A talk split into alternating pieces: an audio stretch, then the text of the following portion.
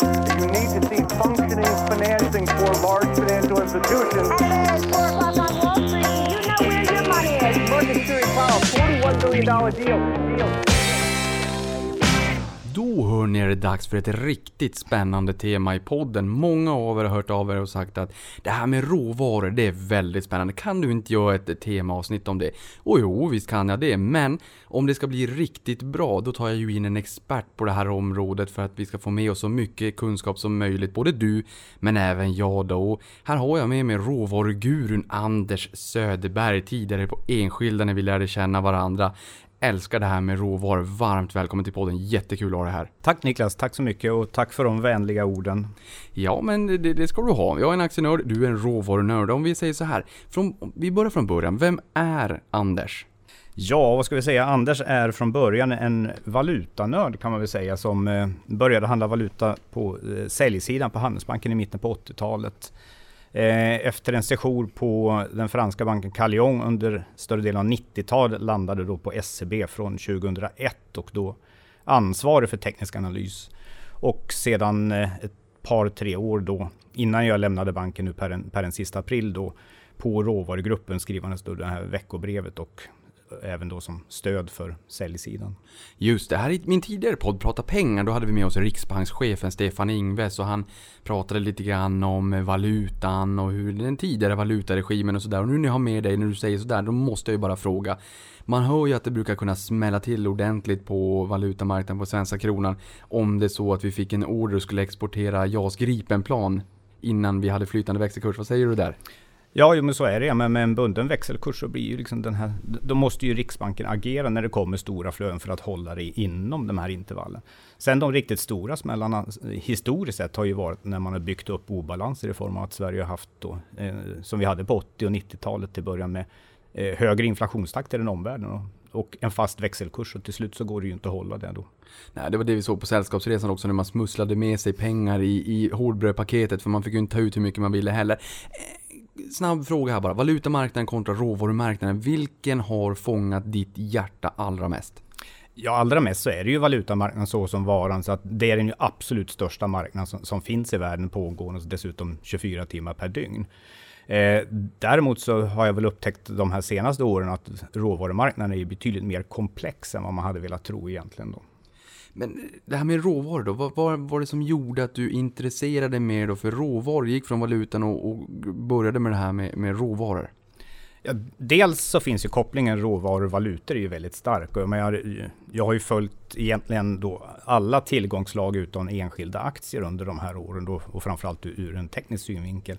Men, eh, och då har det ju varit att många tillväxtmarknadsvalutor och även sånt som Australien dollar, Nya Zeeland dollar, Kanada dollar har ju en oerhört stark koppling till råvaror. Så att den ena måste nästan ge den andra för annars går det inte att, att titta på dem eller analysera de här. De, de är liksom eh, väldigt, väldigt kraftigt eh, sammanlänkade i det här. Och det där är ju någonting vi kommer komma in på lite längre fram här i poddavsnittet också. För att många länder, vissa är ju importörer eller nettoimportörer och vissa är ju exportörer av olika råvaror. Ofta så prissätts de ju i dollar. Mm. Så det ska bli intressant att se kopplingen råvaror kontra valutor. Men eh, vi, om vi då börjar från början, vad är råvaror egentligen och varför är det intressant att investera i dem? Ja, men råvaror är egentligen basen för, för egentligen all produktion. Det är, det är råstoffet till att göra någonting av. Sen om det är för att göra flingor eller för att göra bilar så och där finns det ju lite olika. Dels om man då är ett produktionsbaserat bolag som producerar någonting och behöver det som insatsvara. Sen är det ju också många som eh, tradar så att säga och där är en finansiell position där man kanske egentligen inte vill ha hundra eller tusen eh, vad heter eh, pallar med olja så att säga. Hur stor skulle du säga att den fysiska handeln kontra den finansiella är? Eh, I insatsråvaror så är den fysiska handeln väldigt, väldigt stor. Och jag skulle påstå att det är i de flesta fall större än den finansiella. Men tittar vi på sånt som guld till exempel, så är det ju många gånger om, om man tittar på finansiellt guld, inte fysiskt guld, men finansiellt guld i form av terminer och dylikt, så är den marknaden många gånger större än den så att säga, underliggande fysiska marknaden. Men när vi pratar råvaror så ska man inte glömma bort att inte bara den producerande delen. Alltså vi måste ju också transportera de varor vi producerar. Där krävs råvaror. Vi behöver råvaror för att utvinna andra råvaror så att säga. Va? Bonden behöver diesel för att överhuvudtaget kunna både så och skörda så att säga. Så att det här går ju i varandra i flera led. Ja just det, och ordet jag sökte där var ju fatolja då självfallet. Mm. Det där är ju också intressant för att du målar ju upp, eh, om jag alldeles nyss såg världen platt så målar du ju upp den tredimensionellt. Att råvarorna faktiskt är beroende av varandra, ja. inte minst med transporten där. Eh, vilka olika typer av råvaror finns det då? Ja, man brukar ju dela upp det här i, i energi, eh, ädelmetaller, industrimetaller, eh, grains, olika sädeslag och sen det man brukar kalla för soft som innefattar allt från apelsinjuice till, till bomull till kaffe och så vidare. Då. Så det är väl de stora grupperna. Sen så har vi ju undergrupper i de här, men i, i princip så delar man upp det i de här. Och jag tänker mig att eh, hade det här varit en ren och skär aktiepodd just nu, eller det är det ju, men just det här avsnittet, då hade vi kanske pratat om noterade och onoterade aktier. Mm. Det vi kommer prata om här, det är ju snarare fysiska råvaror och de finansiella dito så att säga, när man följer utvecklingen, prisutvecklingen på en råvara, men där det är digitalt och inte då fysiskt. Hur handlar man råvarorna idag? Ja, det kan man ju säga att väldigt mycket sker ju eh, i finansiell form av, av terminshandel och dylikt. Ja, den eh, fysiska råvaran, leveransbara, ja, men det handlar ju om egentligen bara industrin. Jag menar, vi kan ju egentligen inte ta en position i koppar och så plötsligt så får vi en leverans av x antal tusen ton. Utan det blir ju hela tiden derivat av den underliggande i det fallet. Utan i det fallet det handlar om den, den underliggande fysiska delen, då är det ju egentligen ofta slutkunden eller ett mellanlagringsinstitut i sådana fall. För det tänker jag också att visst om man då sitter framför sin burk här hemma och, och knapprar och köper någonting och man ser någonting på skärmen blippa till. Men eh, de här fysiska marknadsplatserna, vi kanske har LME i London där det faktiskt är, som jag har förstått det, fortfarande open outcry. Kan, även då i Chicago. Hur är det att gå in där då? Alltså är det, är det liksom lite hö här och var och luktar lite gärdsgård och det luktar ju mysigt förvisso. Kanske luktar pengar kan vissa tycka. Ehm, någon, någon liksom stor marknad så att säga. Eller hur, hur ser de här fysiska platserna ut? Jag pratar med LME som, som är ju en metallhandelsplats. Där finns det ju fysiska lager, det vill säga där man kan då placera in sina metaller och få då, då lagerkvitton i det hela på det. Så där finns det ett flöde in och ut ur de här lagerplatserna hela tiden. Och det är naturligtvis en väldigt viktig statistik för prissättningen av det här. Ja, man ökar eller minskar lagren av koppar och, och, aluminium och så vidare i det här. Men nu har vi ju också fått en väldigt kraftigt ökad andel av, av handeln flyttat då till börserna i Kina, i Shanghai framförallt, där vi också har den här typen av lagerdel. Och emellanåt så ser man ju till och med arbitragemöjligheter där fysiskt koppar går ut ur till exempel LME-lagerhus för att vandra in på lager i Shanghai istället. Och vice versa. Har premium eller discount emellan de här emellanåt. Som det där är ju jättespännande för jag vet att eh, jag har sett en liten siffra här för några år sedan om att Kina stod för 40% av handeln på LME. Nu säger du att den flyttar tillbaka till Kina. Det här mm. måste ju vara ett hot. Här är jag ju nyfiken på implikationer. Jag har även en kompis uppe i Boden som driver en skrot och där de köper ju inte alls in kopparn exempelvis till världsmarknadspriset utan långt därunder. Det är ju självfallet om man kommer med lite kopparkabel så kan man ju inte gå till LME och säga att man vill sälja det där Nej. då så att säga. Så att det är kanske fel att kalla det för arbitrage, det är det ju inte riktigt. Men, men hur, vad blir det för implikationer egentligen när man flyttar från London till eh, Kina?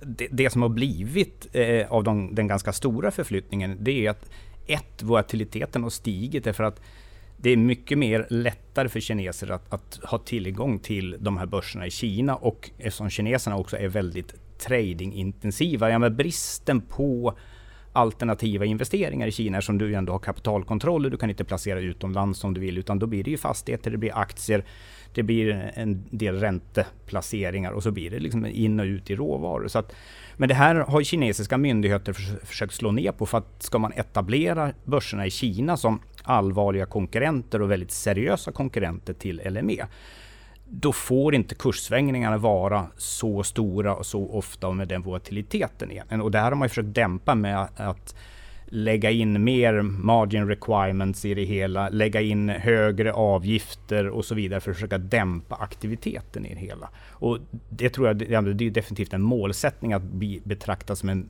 mycket seriösare börs än vad det var när man började med det här. Eh, och senaste vi såg nu var ju tidigare år när man sjösatte då det här oljekontraktet i Shanghai som är noterat i yuan. Då i ett försök att, att få börja handla olja i sin egen valuta. Man har ju gjort det här en gång tidigare för ett antal år sedan, vilket misslyckades som inte gav några volymer överhuvudtaget. Och förutsättningarna den här gången är ju naturligtvis betydligt bättre. Det där är ju också intressant för jag kan ju tänka mig att USA inte alls är speciellt glada när man försöker få olja att handlas i en annan valuta, yuan eller, eller euro för den delen. Det där vill ju de ha lite monopol på. Vad blir det för geopolitiska spänningar? För oljan är vi ju, vi kan ju inte säga någonting annat, vi är ju beroende av den. Absolut, och kommer det vara ganska länge till.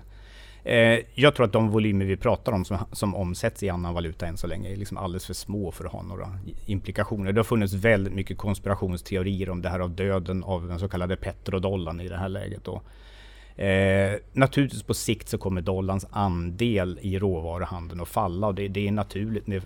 Ja, men ska Kina handla med Ryssland till exempel så finns det ju ett, ett incitament att försöka handla i varandras valutor. Och i andra fall som iransk oljeexport så kan du inte handla i dollar därför att du har ett embargo som gör att du inte kan, normalt sett inte kan handla via så att säga dollarkonton för då riskerar pengarna att frysas. Ja, senaste exemplet på det var ju bojkotten då av eh, vissa ryska oligarker och, och Rusals aluminium. Det vill säga att allt som betalas i dollar idag fryses på ett konto i USA. Så Rusal kan inte komma åt de pengar de exporterar om de gör det i dollar. För det där vet jag när det skakade till ordentligt mot mm. Eh, Ryssland under, under, några dagar. Och då eh, hade vi några från East Capital som var på en, en konferens i Ryssland så att jag fick till en liten Eh, Skype-intervju där också. Då menar de på att kvalitetsbolagen som vi äger, de har också fallit, de köper vi på oss lite grann. Där är värderingen mycket högre. Det här blåser över, men det visar ju någonstans ändå att det finns politiska och geopolitiska risker. Ryssland är ju ett sånt land som vi tänker på direkt, eh, oljekopplingen till nationens statsfinanser och eh, då, då förstår man ju att länderna är beroende av utvecklingen på priserna här också. Iran, nya embargon. Vad händer där då? För att om inte de kan göra affärer med USA, men då säger man, då säljer vi till grannarna. Vi bryr oss väl inte om det där. Och så kommer USA och säger ja men då får ni absolut inte exportera till oss. Vi gör inte affärer med er om ni gör affärer med Iran. Och då förstår man ju att Jaha, hur gör man då? då? Alltså hur, hur mycket påverkar det här politiska lagret och de geopolitiska spänningarna? Jag pratar vi olja så är det för närvarande en ganska stor del. Jag menar under ett antal år så fanns inte geopolitiken i oljepriset. Och sen något eller ett par år tillbaka så har geopolitikens återkomst givit en ökad riskpremie i oljepriset som är ett x antal dollar. Och eh, vad som sker Iranmässigt sett med, med, nya sanktioner igen, det är att man kommer naturligtvis att exportera det här fortsatt till länder som Indien och Kina och så vidare som inte bryr sig om egentligen vad USA säger. Men vad det också leder till i sådana fall är ju ett minskat utbud och minskade investeringar i Iran. Därför att iransk infrastruktur är väldigt ålderstigen, vilket gör att de har i princip nått sitt, sitt maximum vad de kan pumpa idag utan nya investeringar efter man lyfte embargot. Så att, att man har gått med på, på att begränsa det här tillsammans i, i den här OPEC-överenskommelsen har ju mycket med att göra att man faktiskt når eh, ett naturligt tak med den eh, ålderstigna utrustning man har. Ja, det är väldigt, eh, ja, det, är mycket att tänka på. Du pratar ju om riskpremier. Riskpremier i oljan som inte fanns för ett antal år sedan finns nu. Finns det andra råvaror där den politiska risken kanske inte har varit närvarande tidigare eller har varit närvarande tidigare men idag är högst närvarande?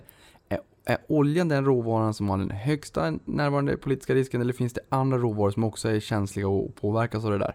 Ja, av de stora råvarorna så är det definitivt olja. Därför att tittar vi på de större metallerna och sånt så Ta koppar, menar, där de största producenterna i världen befinner sig i Sydamerika, vilket är relativt sett, historiskt sett, väldigt stabila länder idag. Det som närmast kan jämföras är väl kanske egentligen koboltdelen i, i batteri hypen då. Att Kongo är väl allt annat ifrån ett stabilt ställe att vara på och är ju en av de så att säga större producenterna.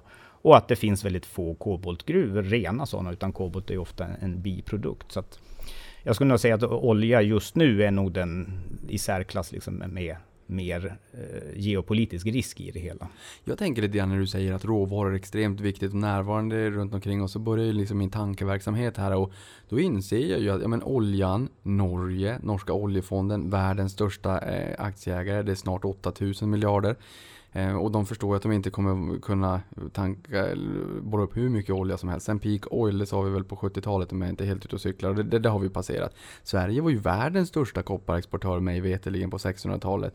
Nu Chile då så att säga. Och Chile har ju sin kopparfond eller motsvarande. Så att eh, min, min poäng med den här utsvävningen är ju att det börjar mer och mer trilla ner för mig att många länder är ju väldigt beroende av just råvarorna. Absolut, och ja, men vissa länder är ju väldigt beroende av en enskild råvara. Ja, men du, nu nämnde Norge då, liksom, eh, oljeproduktionen har ju fallit en hel del, utan det är ju naturgasproduktionen som har stigit och håller det hela uppe egentligen. Nu hittar man ett och annat fält fortfarande och vi vet ju inte riktigt vad som dyker upp i Barents hav, men eh, norsk oljeproduktion har ju sannolikt pikat och ja, man, tittar vi på Storbritannien så pikade ju långt tidigare med deras Nordsjöfält egentligen till att bli importörer. Och man kan säga att nu kommer inte det här att ske, men om man tittar på Saudiarabien, skulle de fortsätta att öka sin egen inhemska förbrukning i den takt man har gjort, så kommer Saudiarabien inte längre att kunna exportera olja framåt 2030. Och vad händer med priset då? Då är den billig idag. då blir det betydligt dyrare. Nej men alltså, man förbrukar ju mer och mer och bara sommarsäsong gör ju att bara för att driva luftkonditionering så bränner man normalt sett mellan 400 500 000 fat extra per dag. Herregud. Ja, för det jag tänker på där är ju också att när man funderar kring, jo men om vi tar fossil, eh, fossila bränslen, de, de, kapitalstocken är ju ganska stor, men det är ju eh, takten på, alltså investeringstakten på förnybar energi är mer än dubbelt så hög som, den, som det fossila. Men stocken är som sagt, det som finns där ute är jättestort. Samtidigt säger du att vi kommer vara beroende av olja många, många år framöver och oljekonsumtionen kommer förmodligen stiga och det kanske också går hand i hand med att vi har en värld där fler och fler människor kommer in i medelklass och vi får det bättre ställt. Och av den anledningen så trycker du upp det här också. Men eh, vad känner du där? Finns det någon risk för att, att vårt eh, beroende av oljepriset, om vi får blicka fram eh, några årtionden, kanske kan minska ändå? Att det planar ut och minskar? Jag, jag tror man måste dela upp energidelen i, i två delar. Det ena är för transport och det andra är för elgenerering. Och det är på elgenereringssidan det händer saker framför allt. Och där har ju kolet varit då förloraren fram till nu. Men på transportsidan så är det ju fortfarande så att vi har en, en relativt god tillväxt i det hela. Ja, men förra året ökade, så att säga, eh, ja, behovet av olja ökade egentligen två och en halv gånger så mycket som vi ökade produktionen av förnyelsebart. Så att även om den kurvan växer oerhört snabbt så är det från så låga nivåer i energitermer. Så att eh, jag tror man, det här blir en liten skillnad mellan tillväxtländer och västvärlden. Att I västvärlden skalar vi bort kol och sen kommer vi så småningom försöka skala bort även då oljeeldat och så är vi tillbaks på, vi har naturgas och sen så har vi då vind och, och sol och vatten och så vidare. Medan i många andra ställen i världen har man inte infrastrukturen för att göra det här. Men redan idag ligger det ju i pipeline upp mot ett 2000 nya kolkraftverk i framförallt i Asien om man tittar på de kommande 5-10 åren. Då. Så att där kommer ju kolet att fortsätta öka. Kolet kommer att minska i västvärlden och summa summarum så kommer kol framåt 2040 ha tappat något. Medan eh, då kolväte kommer i form av olja och naturgas kommer fortfarande ha väldigt, eller ha de största marknadsandelarna. Men energi, eh, förnybar energi är den som växer snabbast så att säga, men kommer fortfarande inte att vara annat än 3-4 på bollen när vi tittar där. Nej, nej, det är ju det. Det är ju jättefina tillväxttal. Men som du säger, har man enkla jämförelsetal från en låg nivå så går det ju att växa procentuellt väldigt mycket under väldigt lång tid så att säga. En annan trend är just att ha Amazon som exempel. I fjol så beställde de en miljard, eller över en miljard leveranser. Eh, och då tänker jag så här att eh, det är ju mycket transport med lastbilar. Dels om man nu har kört mellan eh, Stockholm och Boden på natten. Då ser man att det är mycket lastbilar och ska fraktas mat och allting. För vi är ju helt beroende av att det finns mat i butiken när vi ska åka och handla. Men det här last mile eller vad man då säger från egentligen någon leveransenhet eller någon lager ut till mig som konsument där jag bor i Stockholm. Det kanske inte är så jättelång distans. Där kanske man kan använda ellastbilar för den här korta mm. regionala sträckan och elbussar kanske kollektivtrafik. Kommer det att kunna skala bort mycket av, av eh, den här oljeförbrukningen du säger att, att logistiken är en stor bov? Nej, jag, jag tror att det är på marginalen egentligen. Alltså det som kommer att förändras logistikmässigt sett är att vi snarare kommer att få se självkörande långtradare för de här längre transporterna igen. Eller att någon form av elektrifiering som man nu provar dels Eh, på ett ställe utanför Sandviken och ett ställe i Roslagen. Då är det ena fallet med luftledningar och det andra som våra gamla bilbanor där man har en ledningen i, i, i marken. Då. Eh, och den andra delen i det här fallet tror jag är att när du pratar kartong. Liksom, jag var på eh, Palpmässan i Barcelona förra året. Och det är ju liksom Klondike, det är ju liksom klang och jubelstämning därför att efterfrågan på massa för kartong. För tidigare så gick ju en container med några få stora kartonger liksom till H&M. Nu ska det gå massor med paket rakt ut till konsumenten som i sin tur sen returnerar det här i rätt många fall och sen ska det skickas en gång till. Så efterfrågan på kartong det där är ju jätteintressant, för det vet jag också. Jag lyssnade på Ekonomi-ekot där de sa att de här marginalerna och den här högkonjunkturen i skogsindustrin i Sverige har inte varit så här het sedan början tidigt 2000-tal. Och nu har vi ju dessvärre tyvärr bränder som här i Sverige också såg 600 miljoner värde var uppbrunnet. Nu hörde jag igår någonstans 900 miljoner kronor. Mm. Men det är en liten andel av skogsarealen i Sverige. Men likväl, nu när du har varit på den här pulpmässan här. Eh, hur pass, för du säger att det var ju liksom klang och jubelföreställning man tänker ju kanske skogsbolag, SCA är väl Sveriges näst största, Holmen femte största i Sverige om jag inte missminner. Eh, där har man tänkt att det är lite tråkigt, det är lite skog, men det är bra om man vet vad man får och sådär. Men ta så Billerud Korsnäs eller Stora Enso exempelvis, eller ja, Korsnäs här, Billerud Korsnäs då. Eh, med, med kartong och vätskekartong mm. och specialkartong och allting. Det måste ju booma. Berätta mer jo. om det där. Nej men det gör det men Ta en sån enkel sak som, det är väl bara något år sedan så köpte du din crème fraîche i en plastförpackning. Nu är den i en pappersförpackning. Nu är det en vätskekartong istället. Och det här är ju en utveckling vi kommer att se mer och mer och framförallt när man börjar prata om att slå ner på plaster rena plast. Sen kan vi ju göra plast av, av socker och andra saker också. Så att eh, vi, vi, kommer ju få se den typen. Jag menar, Systembolagets plastpåsar är gjorda av socker. Så det är ju inte det är inte plast från olja så att säga. Du, nu säger du någonting Anders. Vet du, jag, jag har ju ibland när man eh, köper sin plastkasse på butiken kan det stå också att det här är gjort på majs. Mm det här, hur stor implikation på efterfrågan på råvaror kommer det här att få? Vi tar etanol som bränsle, det floppade ju. Men tar det här exempelvis majs eller socker, hur, hur eh, sväva ut lite? Ja, men dels om vi går tillbaka på etanol så är det ju mer eller mindre egentligen en inhemsk flopp. Ja. Jag menar, både i USA och Brasilien använder ju väldigt mycket etanol i, i sitt bränsle. Men Brasilien kör ju mer eller mindre på etanol vad det gäller personbilar och har gjort länge. USA har ju en ökande inblandning av majsetanol i sin bensin. Då. Så att på, på, ett globalt perspektiv så kommer det väl att dröja ett tag innan det får genomslag. Men det finns ju ändå en stark trend att det är väldigt inne och det är väldigt positivt att man vill få bort plast och det kommer naturligtvis öka då efterfrågan på, på den typen av kolhydrater som man kan göra plast av. Ja, men du kan potatis, eh, du säger socker, ja, men vi har majs det du kan använda till de här. Jag menar, vi kan gå tillbaks till det, jag tror det var sista den här Stockholms vattenfestival. Då serverade man ju på, på tallrikar gjort på potatisstärkelse. alltså tallrikarna är komposterbara. Liksom. Det är ju fantastiskt. Ja. Du, du är ju privat investerare nu mm. och du älskar den här marknaden.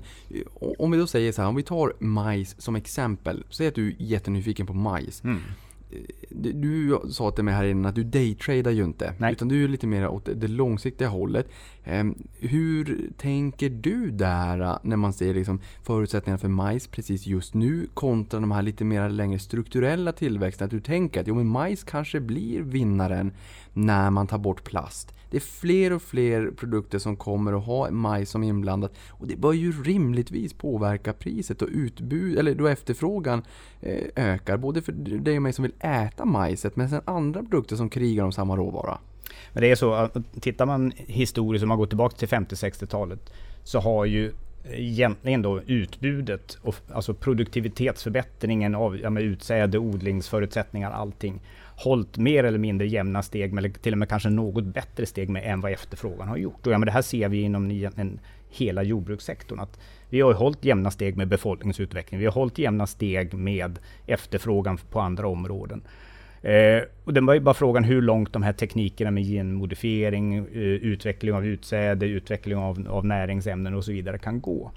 Sen kan man faktiskt som en liten passus säga också att eh, när man pratar klimatförändringar, den ökade koldioxidhalten är ju faktiskt en boost till växtligheten. Det är ju, det är ju, menar, det är ju växternas byggstenar egentligen. Menar, det är ju känt sedan länge. Menar, odlar man grönsaker i växthus så pumpar man in koldioxid för att det ska växa mycket bättre egentligen. Och det här gäller ju till en viss gräns naturligtvis innan det så att säga blir åt andra hållet. För, för där är också hur, eh, jag menar jag tänker mig jordbruket, Mm. jordbrukssektorn, artificiell intelligens, det blir det mer och mer smarta applikationer. Bonden kan idag både med, med en drönare på sin padda eller sin mobil se åkern där uppifrån, se hur den mår, man sätter upp eh, olika eh, sändare och givare och där man får en direktstatus Mm. på, på hur åkern mår. Man kanske får en pushnotis i telefonen till och med. Sen kan man skicka ut traktorn med, självkörande som, som skördar det där, och, eller kanske bara skördar delar som ska skördas, som man kan automatisera och optimera. Sen har man ett litet mjukvarulager, ett program, jag bara spånar inte bara Mm. tänker nu fritt så att säga. Som säger exakt hur du ska skörda för att få så hög crop yield som möjligt. Är det här ett hot mot, eh, mot priserna på råvarorna? Eh, På lång sikt tveksamt därför att vi har en fortfarande en ganska stor befolkningsökning som ska tillfredsställas. Menar, vi ska ju upp enligt FNs prognos upp mot 11, 11,5 ja, miljard någonting sånt fram mot nästa sekelskifte. Så det är klart att här finns en efterfrågan och det finns ju också någonstans en begränsning på, på mark. Och någonting som gjorde mig lite orolig var en rapport som kom tidigare i år från FNs jordbruksorgan som handlar om erosionen av matjord. Det var det jag tänkte fråga. Jag pratade Mm. med min svärmor om det här bara för några dagar sedan. Hur mår jorden? Ja, dels har du den delen som eroderar och skulle det fortsätta erodera den takt det gör, ja, men då kommer vi i princip liksom att vara mer eller mindre utan matjord på många ställen liksom i, inom 70-80 år. Och den andra delen är de här jättestora jordbruken med sina tunga maskiner som packar och packar och packar marken, vilket gör att den, den blir mer eller mindre steril när du är helt beroende av konstgödning. Hur ska man se på dels antibiotika om vi pratar Mm. nötkreatur och, och boskap då? Eh, som en liksom där och hur ska, hur ska man tänka på genmodifierade eh, grödor, eh, GMOs? För, för där, jag hör ju diskussionerna och sådär men för den som lyssnar på det här och även för mig. eh, Vad är det man ska tänka på där? Vad är det som... Ja, det finns ju en väldigt stor uppdelning. Men USA är ju pro-GMO och EU är ju än så länge väldigt avvaktande till det hela. Och har ju ta tagit en försiktighetsprincip att vänta och se egentligen. Men sannolikt är det ju så att ska man kunna föda en allt större befolkning så krävs egentligen alla tillgängliga resurser för att, att tillgodose det. Man kan ju också se det som idag, vi producerar mycket fler kalorier i världen idag än faktiskt vad världen behöver. Så att, KFC och McDonalds. Ja, så om vi alla liksom lugnar oss lite grann på intaget så räcker ju fortfarande det här väldigt, väldigt mycket mer. Och den andra faktorn som skulle kunna underlätta det väldigt mycket det är att elektrifiera eh, Indien, Afrika, så man faktiskt kan spara sina livsmedel. Jag såg eh, en del från en marknad i Bombay när man kommer in med alla sina grönsaker på morgonen på sina cyklar och mopeder. Och när dagen är slut så måste du kasta det som är kvar för du kan inte spara det till dagen efter. Och det här skulle, bara den här marknaden skulle kunna försörja ytterligare 50-60 tusen personer bara på resterna egentligen. Och det där måste vi få en lösning på. Det kommer vi garanterat säkert att få också för att man får bort det här svinnet helt enkelt. Ja, och det, det svaret heter elektrifiering. Det svaret heter elektrifiering. Ehm, antibiotikan där då? Ja, den är ju svårare att se. Alltså, den har ju kommit så pass långt och det är någonting som jag tror att man man kan inte lösa det här annat än på, på globalt och säga att man måste hitta en begränsning på det hela. Att man inte ger tillväxtdelar och inte ger förebyggande syfte. Men när man ser de här enormt stora djurstallarna och dylikt, alltså fabriksmiljön, så inser man ju att här finns en lång väg att vandra egentligen. Men, men då blir jag lite nyfiken också. Vi har ju pratat om de här fysiska marknadsplatserna Mm. för råvaror.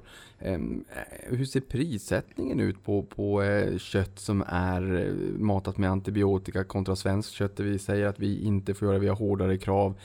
Grödor som är GMO eller som inte är det. Är det en differens i prissättningen där? Eh, där är jag faktiskt lite osäker på, i och med att vi faktiskt i Europa inte har speciellt mycket GMO-delar, utan diskussionen har ju varit att huruvida man ska väldigt tydligt på, förpackningar märka att det här är GMO egentligen. Och det är ju framförallt när vi pratar majsprodukter, sånt som innehåller majs, mjöl, sånt innehåller då majssirap framförallt och dylikt. Där vi kan möjligtvis hitta den typen av. Vad det gäller antibiotikamässigt sett så skiljer det ju oerhört bara inom EU, användningen av det hela. Så att eh, vi, om vi drar skillnader bara i pris där, så är det bara att titta i köttdisken här. Liksom, vad kostar svenskt kött kontra vad kostar irländskt eller tyskt? Ja, det vet vi är ju ganska stor skillnad. Ja. Du, innan vi går vidare och in mera på råvaror ur ett finansiellt perspektiv så kommer jag ju på att jag har ju inte frågat dig hur din investeringsfilosofi ser ut. Ja, den är väl egentligen i två delar. Det ena är ju liksom en mer långsiktig portfölj som innehåller egentligen allting från fonder till aktier till vissa råvaror eh, i form av, i mitt fall då certifikat, men då blir det utan hävstång eftersom den är långsiktig. Och sen så har jag en, idag då, eh, när jag inte längre har den här månadsregeln som man hade som, som anställd. Ja. Eh, så har jag ju lite grann vad jag kallar för en tradingportfölj som är, då, är på det här liksom en vecka till två, tre, fyra veckors sikt, något sånt egentligen, som är en liten låda på sidan om, om det mer långsiktiga. Och råvarumarknaden, hur mår den just nu då, där ute? Eh, generellt sett så mår den rätt bra, inte minst när vi pratar eh, energi och vi pratar industrimetaller. Även om vi har haft ett litet hack i kurvan på slutet, så rent generellt så mår den bra. Eh, däremot så har vi haft en del då på, på eh, sädsidan så att säga som har varit ganska pressat och inte minst sånt här som, som kaffe och socker är ju väldigt pressat till exempel. Så att där finns det väl den här lite mer fortsatt, ja, B-trendmässigt sett. Ja, för när man pratar om råvaror så det jag har förstått det är ju att det är långa trender kanske till och med längre så att säga än om man pratar om en traditionell cykel på börsen. Vad en traditionell cykel på börsen är, ja. det är en bra fråga nu.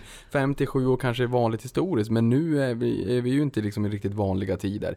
Eh, hur ser en sån cykel ut på råvarusidan? Det finns ju de olika i, i det här. Den riktigt långa som folk brukar skratta när jag tar upp, ja, men den superlånga cykeln den är ungefär 30 år. Eh, och tittar man då på CRBs eh, råvaruindex så kan man gå tillbaka och se att vi hade pikar på det här indexet 2011, vi hade det 1981, 51, 21 och i slutet på 1800-talet.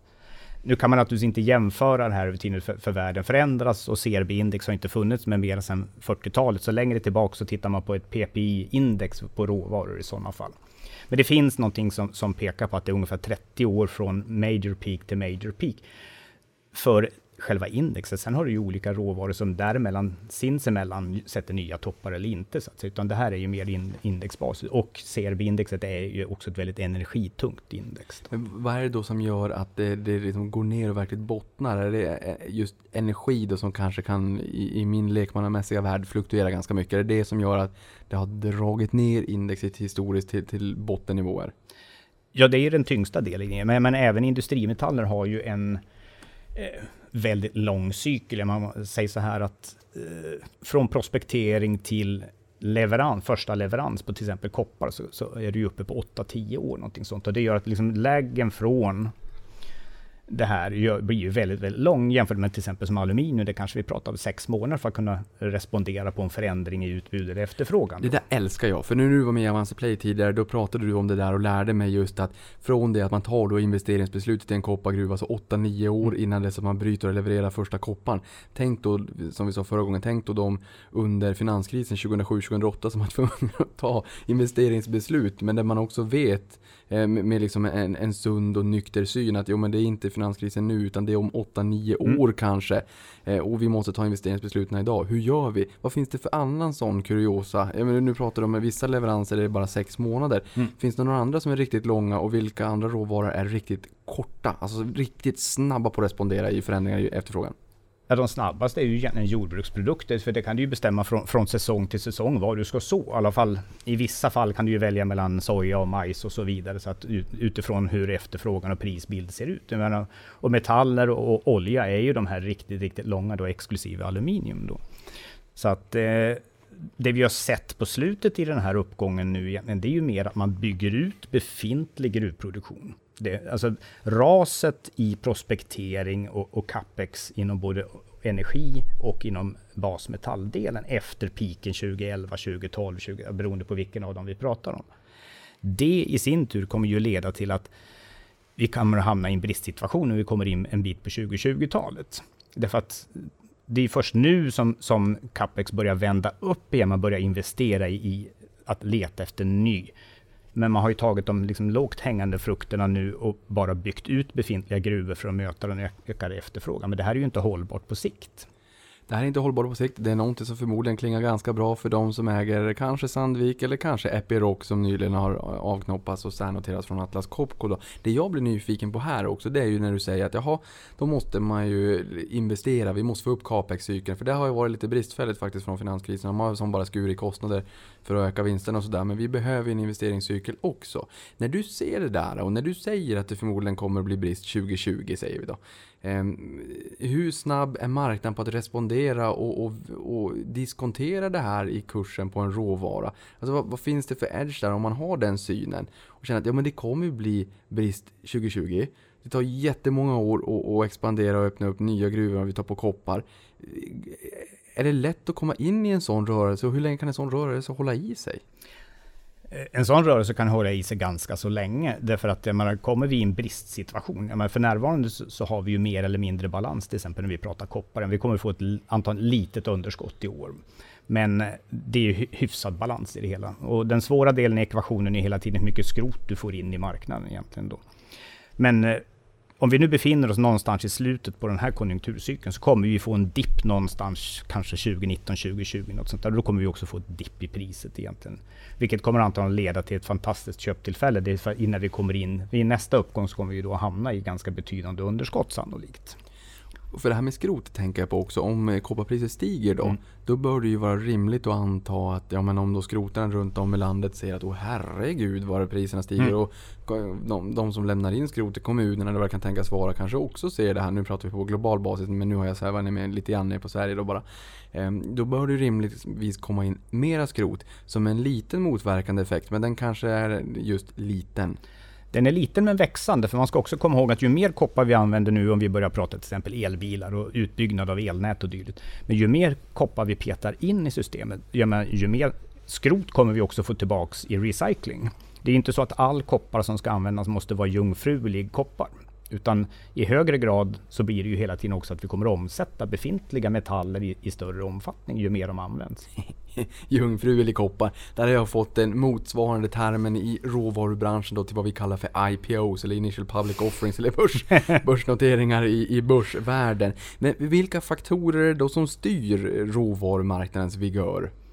Ja, det är framförallt konjunkturmässigt sett. Jag, menar, du, du har, jag, säga, jag skulle säga de riktigt stora dragen. Jag menar, du har Konjunktur är på medellång sikt, men de riktigt långa drivkrafterna är ju liksom det är demografi, det är urbanisering, det är elektrifiering.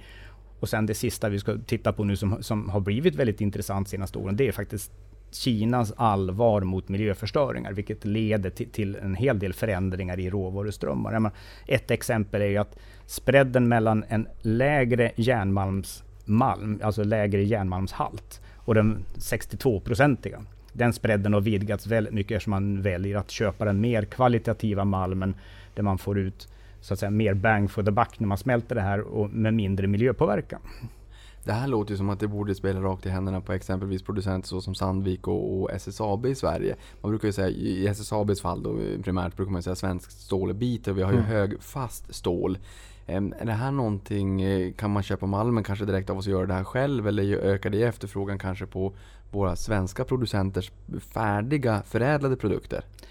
Det kan det definitivt göra och jag menar, det här är ju som sagt var goda nyheter för sådana som LKAB som till exempel då som ju har högkvalitativ malm. Men andra sidan ska vi inte glömma bort att vad det här betyder är att det stängs och har stängts väldigt mycket små kinesiska järnmalmsgruvor. Det här ersätts framförallt av import från de stora exportörerna Australien och Brasilien. Och därifrån kommer det att komma mer och mer malm de kommande åren. Så personligen så är jag ganska negativ på järnmalm som sådant därför att utbudet ökar egentligen snabbare än vad efterfrågan är i det här. Och vi har ett sånt där jätteprojekt i Brasilien som gick live i november förra året med sin första last. Och de kommer bara öka sin produktion varje år fram till 2020, 2021 någonting sånt där. Så att det är svårt att se att det ska uppstå en bristsituation på järnmalm. Så att jag glömde bort LKAB, det är för att de är statliga och onoterade. Jag tänker bara börsnoterat. Men, men en rolig grej där med, med järnmalmen.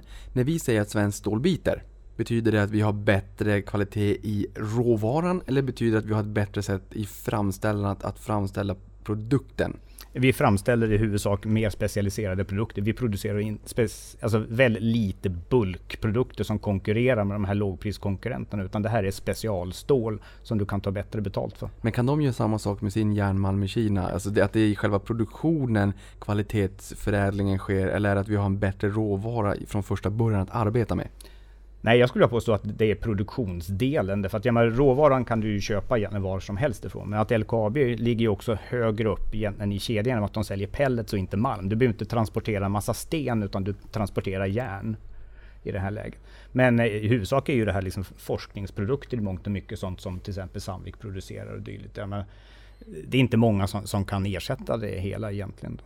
En liten kort utsvävning. Innan vi började spela in podden så pratade vi lite grann om Sandvik. Och sen så pratade vi lite grann också om det här gamla eh, bruks, brukssamhället i Sverige och hur städer kunde byggas upp via olika näringar. Sandvik kanske då via Sandvik, Boden, det var en gammal bondeby men sen så var det det militära som byggde upp staden.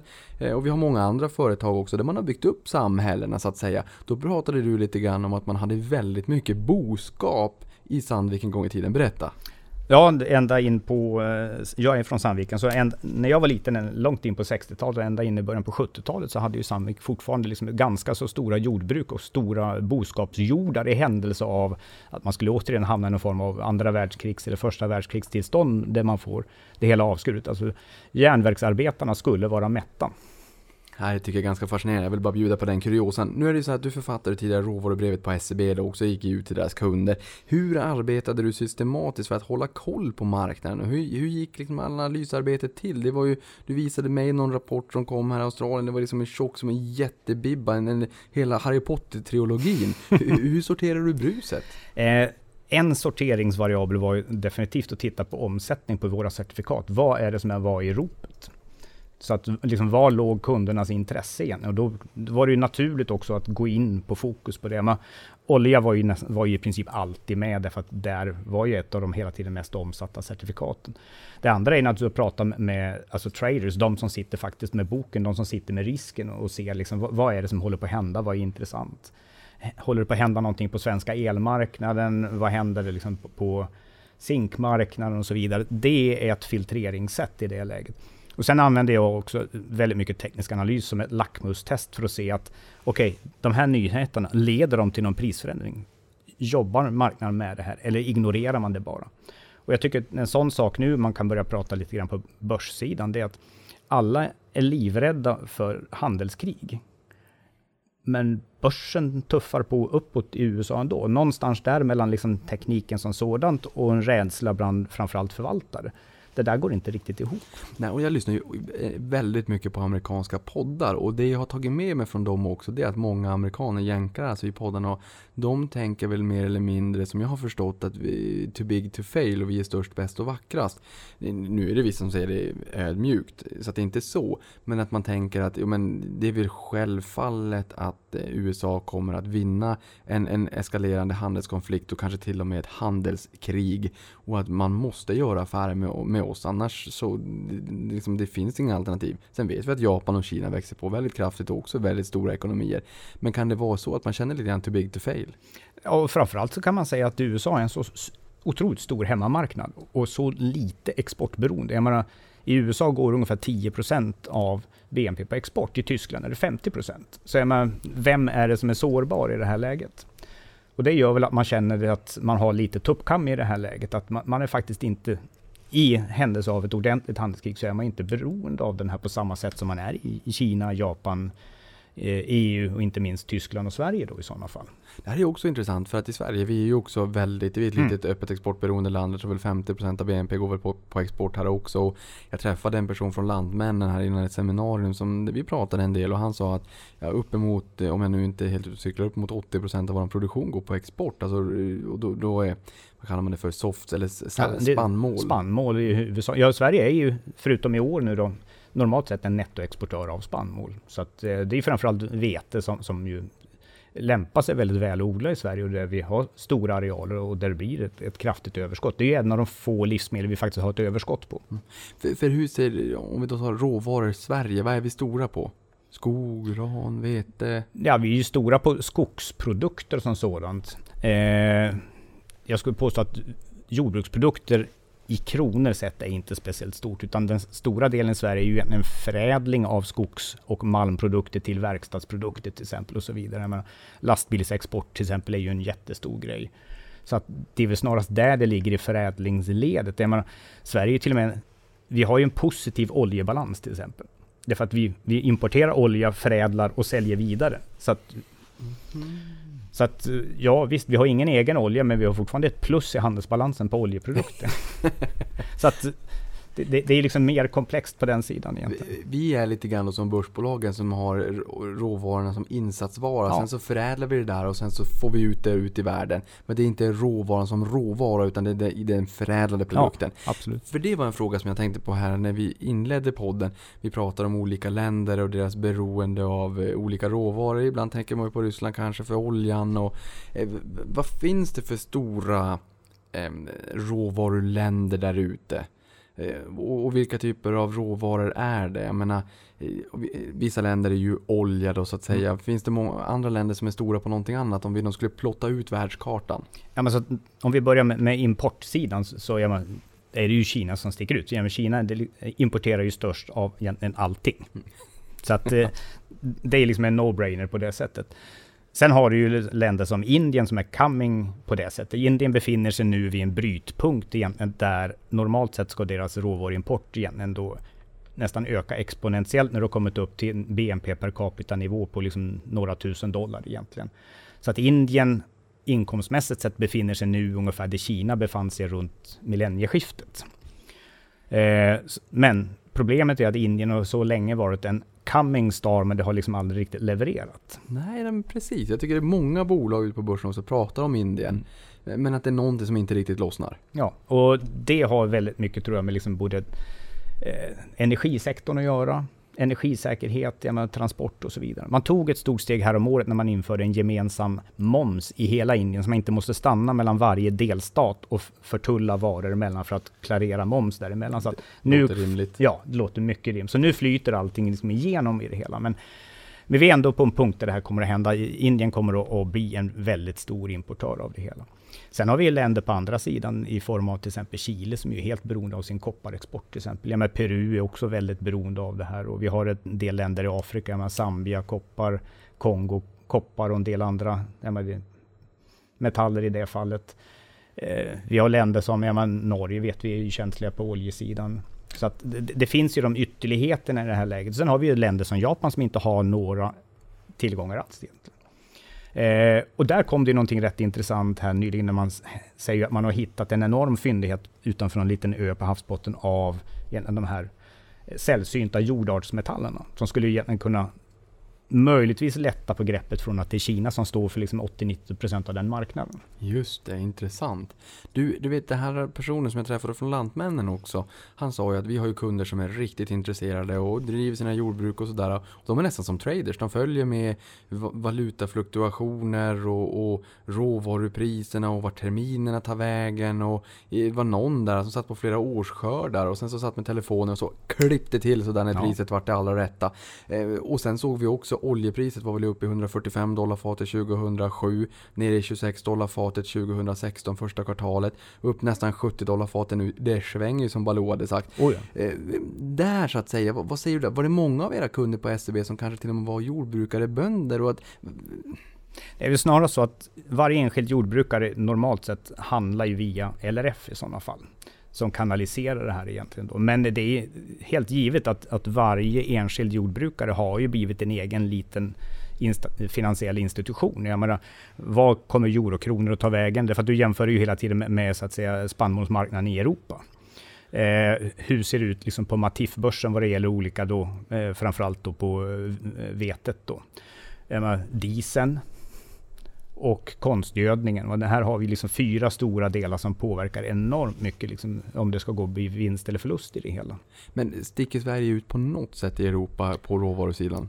Ja, vad det gäller agerande på det här sättet så är ju Sverige alltid väldigt tidigt på bollen på det. Men det är precis samma sak som man drog igång optionsmäklarna en gång i tiden och sånt. Att vi är väldigt tidiga på att ta till oss så att säga nya sätt att agera och nya finansiella modeller egentligen. Då. Jag skulle påstå att ju längre söderut du kommer, ju mer konservativ är man mot den här typen av idéer så att säga. Mm.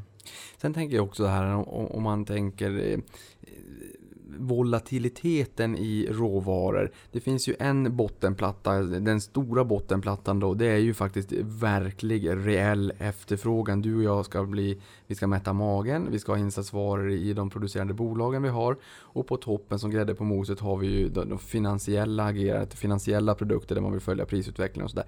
Volatiliteten bland råvaror.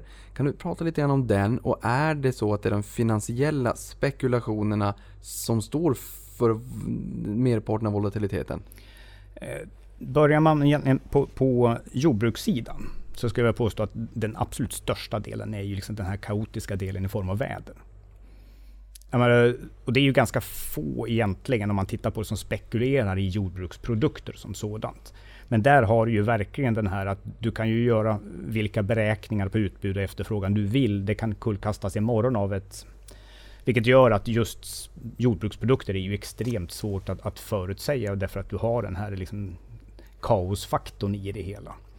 Men däremot om du tittar på framförallt olja där den största delen spekulanter ligger. Vi hade ju tidigare i år rekordnivåer där, där nettopositioneringen sammanslaget eh, i USA och på Brent, vi alltså nådde ju över en miljard fat. Någonting sånt. Det är klart att vid en nedgång i det läget och du ska börja ta bort den här positionen. Det är klart att du har en kortsiktig påverkan på det hela. Men den finansiella delen är fortfarande så. Det är en kortsiktig del. Den kan aldrig påverka den långsiktiga delen i det hela.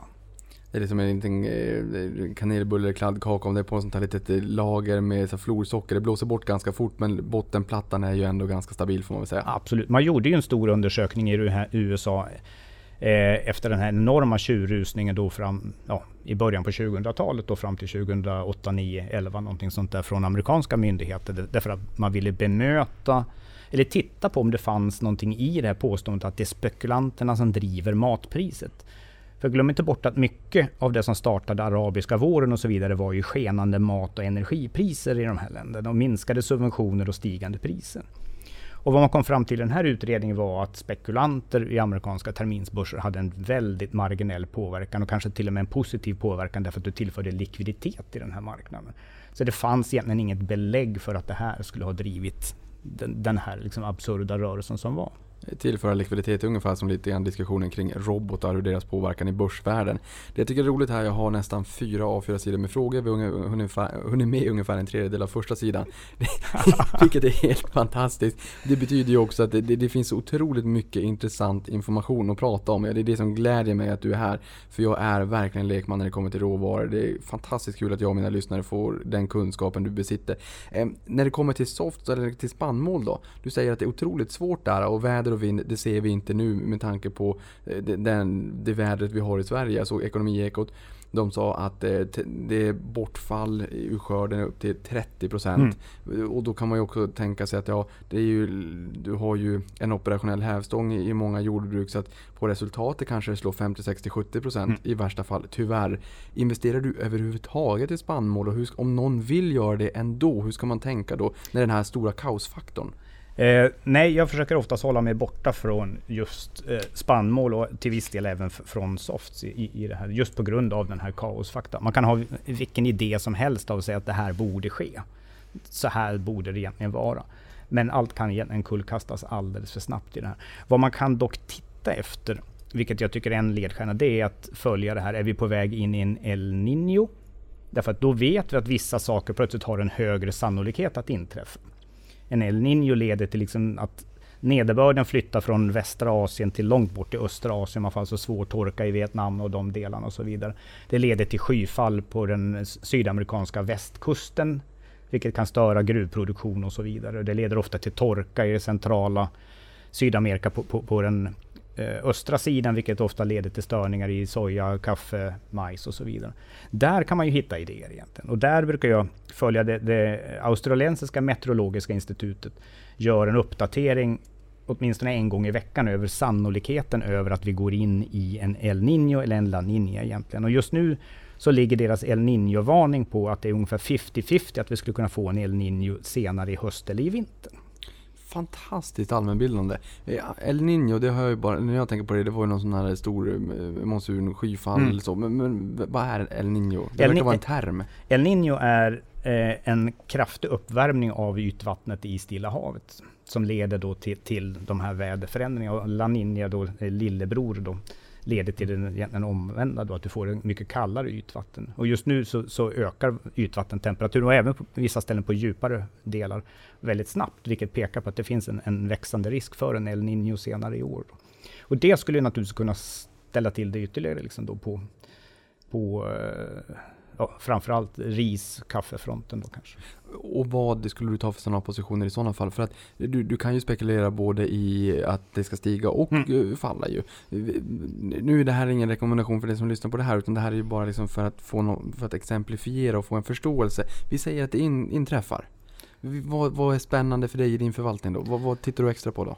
Eh, just nu tittar jag extra i sådana fall kaffemässigt sett på, just på arabica. Men vi har niv- priser på, på, på arabica-kaffe som är på egentligen historiskt de nivåer där vi har vänt genom decennierna bakåt. Om man går tillbaka till 60-70-talet så är vi nu nere på de nivåerna. Så att då kan man börja spekulera i och säga så här.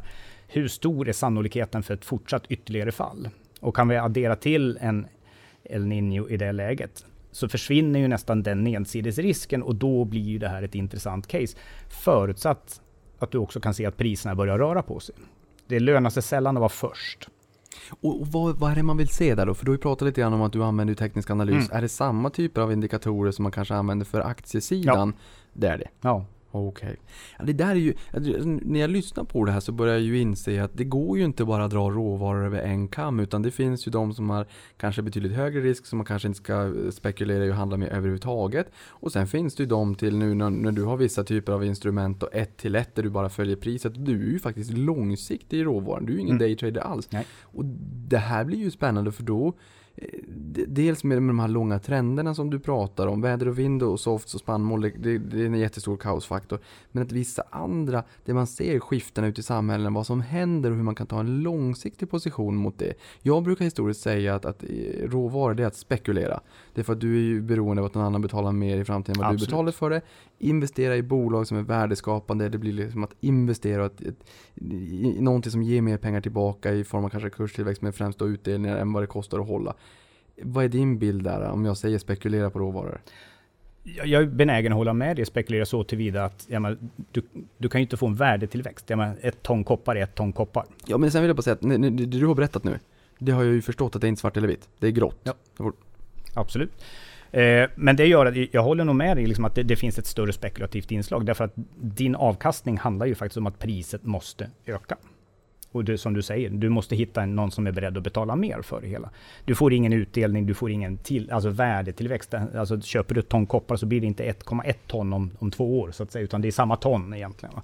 Så visst, det finns en, en poäng i det. Med undantaget av guldmarknaden egentligen. Nu med noll och minusräntor spelar ingen roll, men tidigare fanns det ju faktiskt en, en låne och depositmarknad för större spelare i guld, vilket inte minst centralbanker utnyttjade flitigt av att faktiskt då låna ut sitt guld mot en ränta.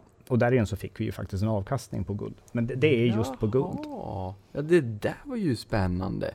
För det är ju klart att jag som långsiktig investerare kan definitivt tänka mig att låna ut mina aktier Mm. och få en liten löpande ränta på det. Så länge det inte påverkar min kursgraf och sådär. För datan vill jag ändå ha kvar. Men annars kan jag tänka mig att låna ut det. Jaha, det, du har alltså kunnat låna ut guldet och få guld som passivt. Det, det förökar sig inte alls för fem öre. Men du har guldet där och sen har du kunnat få liksom en, en liten hyra på det också. Ja. Intressant. Du, 1971 var det väl när vi släpp, släppte guldmyntfoten. Mm. Eh, kopplingen till guldpriset på, på valuta. Nu är det egentligen bara förtroende för centralbankerna och det har ju kanske lite grann naggats i kanten av vissa med tanke på upplåsta balansräkningarna men samtidigt så är nog förtroendet ganska intakt ändå. Eh, finns det någon risk när man handlar med finansiella värdepapper förutom att du, du har ju en emittentrisk på de som ger ut olika typer, kanske certifikat då. Eh, finns det någon risk att det finns fler och mer volym ute i marknaden än vad det faktiskt finns fysisk råvara? Ja, teoretiskt sett så gör det ju det. Tittar man på amerikanska terminsmarknaden så finns det ju, skulle alla kräva leverans på, på sina terminskontrakt så finns det kanske någonstans runt 6-7% fysiskt guld som skulle kunna levereras mot det. Så att ja, svaret är ja, det finns betydligt mera så kallat pappers eller finansiellt guld än vad det finns fysiskt guld omsatt i alla fall på, på börserna i USA. Och sen finns det en annan stark trend som också dränerar på det här och det är att det fysiska guldet tenderar till att vandra österut. Du ser att centralbanker och andra i, från Ryssland och Turkiet och österut tenderar till att ackumulera det fysiska guldet. Så att, vi blir mer och mer kvar med det finansiella guldet egentligen. Men du, ur ett sånt perspektiv, if shit hits the fan och det blir lite jobbiga tider igen, kanske som under i krigstider och oroliga tider det är ju inte speciellt roligt om du och jag på våra börsskärmar sitter med, med ett derivat eller med ett cert. Det vill säga att vi har jättemycket guld, det har gått upp jättemycket i pris. Men sen så går emittenten i putten. Och sen är det eh, asiatiska eller östländer då som faktiskt sitter på den fysiska varan. Mm. Det här måste ju också vara någonting som där lamporna blinkar rent geopolitiskt och politiskt olika länder. Alltså det, det är ju stor politik bakom det här också. Ja visst är det Jag menar, eh, för det, ta framförallt den som har den största andelen guld i förhållande till sin, sin valutamängd så är det ju Ryssland. Jag menar, Ryssland försöker ju mångt och mycket komma ur den här dollardelen. Vi såg ju senast nu statistiken april-maj så har ju Ryssland egentligen dumpat hela sitt innehav av amerikanska statsobligationer. Så att, eh, och här kan man ju fundera på om man i framtiden skulle vilja backa upp valutan med guld så att man faktiskt får, får en guldmyntfot så att säga på rubeln till exempel. Eller diskussionen har ju varit även i yuanen att något sånt här skulle kunna ske. Men tror du att det skulle kunna ske? För jag tänker mig att eh, det, det finns ju en risk kanske för att förtroendet för centralbanken naggas. Vi har kryptovalutor och allt, man får tycka vad man vill om det så att säga. Men ändå lite grann den här olika fenomen och trender i samhället så att säga. Tror du att det finns en, en liten risk kanske med tapering i framtiden om det är så att mm, centralbankerna fortsätter blåsa upp balansräkningen, att man nästan får sätta någon form av guldmyntfot för att återfå ett förtroende. Nu blir det här ganska eh, mörkt, framåtblickande. Ja, jag, jag är tveksam till den delen. Alltså alla, många var ju oerhört rädda för inflationen när Fed började med QE. Men eftersom pengarna aldrig gick ut i systemet utan gick tillbaka och hamnade hos Fed på deposit så fanns det ju liksom, penningmängden ökade ju inte utan pengarna fastnade där igen. Men det kom ju aldrig ut i systemet. Och därigenom så försvann ju hela den här liksom, oj, nu ska det bli liksom inflation som så många liksom ropade på. Det blev det inte alls. Så att eh, guld ska ju egentligen, för att det verkligen ska stiga i, i, i dollartermer så krävs det liksom antingen att dollarn går ner och det blir baksidan på det. Eller så krävs det att du fullständigt tappar förtroendet för dollarn. Och, ja, men, det är väldigt svårt att se. Ja, det är ju lite intressant. Även i Sverige så, så sipprar inte pengarna ut i samhället heller. Kanaliseras ut till kanske privatpersoner och företag. Nu visst bostadsmarknaden, om man tar den som exempel, visst där har det gått upp jättemycket och sådär. Men, men det sipprade ju inte ut riktigt utan bankerna höll väl lite mer eller mindre på det. Har vi inte heller fått någon hyperinflation. Hyperinflation Nej. är ju enormt ovanligt. Vill du googla på hyperinflation du som lyssnar så får du se när man sopar pengar i Tyskland efter kriget. Vi har ju både liksom krigsobligationer. Jag har en sån visa jag också ska bädda in i ett kommande poddavsnitt. Jag har fått av en kollega här på jobbet. När det är en svensk visa på några minuter när man sjunger en jättefin vals om varför man ska investera i de här krigsobligationerna och varför man ska vara patriotisk och finansiera kriget. Eh, jag tror inte att med alla regelverk att man skulle få ha en sån reklam idag. Nej, jag tror inte jag, jag kan ju bara lägga in en sån liksom historisk grej att världsrekordet i inflation hade Ungern sommaren 46.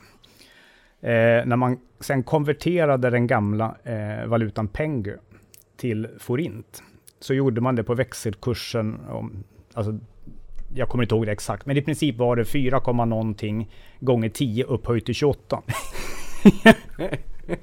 och jag som trodde jag hade rekorden med min Zimbabwe-dollar, 100 trillion dollars. dollars. Men nej, det, det, då, jag varit bräckt. Jag tror att de är god tvåa. Ja, de är god tvåa. Ja, men det är väl väl. Det, det stod jag ju på pallen i alla fall. Wow, $41 billion deal. deal.